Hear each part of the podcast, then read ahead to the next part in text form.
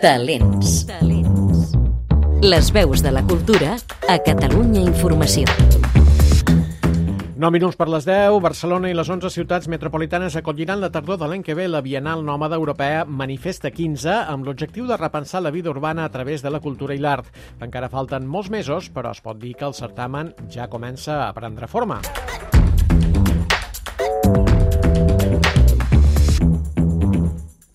Montse Mas, bon dia. Molt bon dia. Ahir es van presentar els principals eixos temàtics i les seus de Manifesta i es van avançar alguns dels artistes que hi participaran. Sí, però abans d'entrar-hi hem de dir que es tracta d'un certamen prestigiós a Europa que va néixer a Rotterdam fa 30 anys i que ja ha passat per 14 ciutats del nostre continent com ara Luxemburg, Zurich o Palerm. Aquest és el tercer cop que ve a l'estat espanyol després de Sant Sebastià i Múrcia i la idea és doncs, repensar les ciutats, fer-les més habitables, uh -huh. més respectuoses amb el medi ambient, amb l'ajuda d'artistes i altres col·lectius com urbanistes, ecologistes, educadors, etc. L'edició de Barcelona, la número 15, serà diferent de les altres perquè per primera vegada s'estendrà per tota l'àrea metropolitana. Ah, doncs així quines ciutats hi participaran, amb quines seus? Doncs mira, hi haurà 12 seus. A Barcelona eh, hi haurà la seu central, a l'antiga -huh. editorial Gustavo Gili, on estarà situada l'organització del certamen, i al seu voltant les ciutats s'organitzaran al voltant de tres grans epicentres temàtics. El monestir de Sant Cugat, amb la seva aura mm d'espiritualitat, sí. aglutinarà les propostes que tenen a veure amb com cuidar les persones. La Casa Gomis, la Ricarda, a tocar de l'aeroport del Prat, se centrarà a abordar com trobar l'equilibri entre el creixement i el respecte a la natura. I a les Tres Xamanelles a Sant Adrià del Besòs, que s'obrirà per primer cop al públic abans de convertir-se en el clúster ah. audiovisual de Catalunya, hi haurà projectes que s'imaginen doncs, el, el futur de la ciutat. Com veus, es forma com un triangle al voltant de Barcelona. Sí, sí, el mapa, sí, sí. Un vèrtex seria la Serra de Collserola i els altres dos tocant al mar, la desembocadura del riu Besòs i del Llobregat. I doncs, eh, llavors la resta de seus es distribuiran al voltant d'aquests eixos. Seran a l'Hospitalet de Llobregat, Terrassa, Badalona, Sabadell, Mataró, Cornellà, Granollers i Santa Coloma de Gramenet. Molt bé, doncs ja sabem les seus, els temes, i ara comencem amb les preguntes que crec que vas poder fer la fundadora i directora de Manifesta, Montse. Exacte, sí. Per exemple, concretament, doncs, molta gent es preguntarà de què serveix Manifesta, no?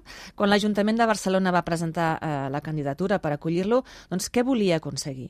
I Hedwig Fayen em va respondre això.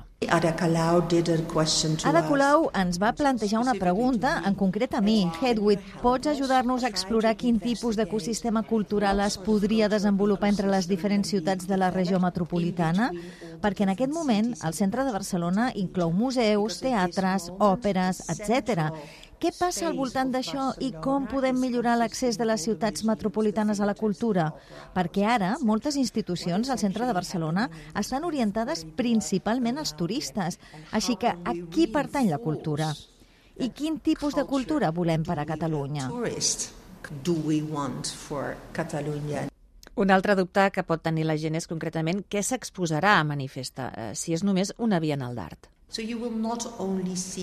No només veureu art, veureu moltes altres coses. Al Manifesta 12, a Palerm, vam treballar en la infraestructura urbana, o al Manifesta 14 vam netejar una franja de residus i vam crear una mena de piscina. Aquí volem fer alguna cosa amb 350 escoles, intentant crear un carril bici per tornar a connectar amb el mar. Encara hi ha certa incertesa sobre com es pot fer a la pràctica, però ja pots notar que no són només instal·lacions d'art contemporani contemporani. És clar que també hi seran, però són diferents tipus d'experiències. But it is a different kind of experience.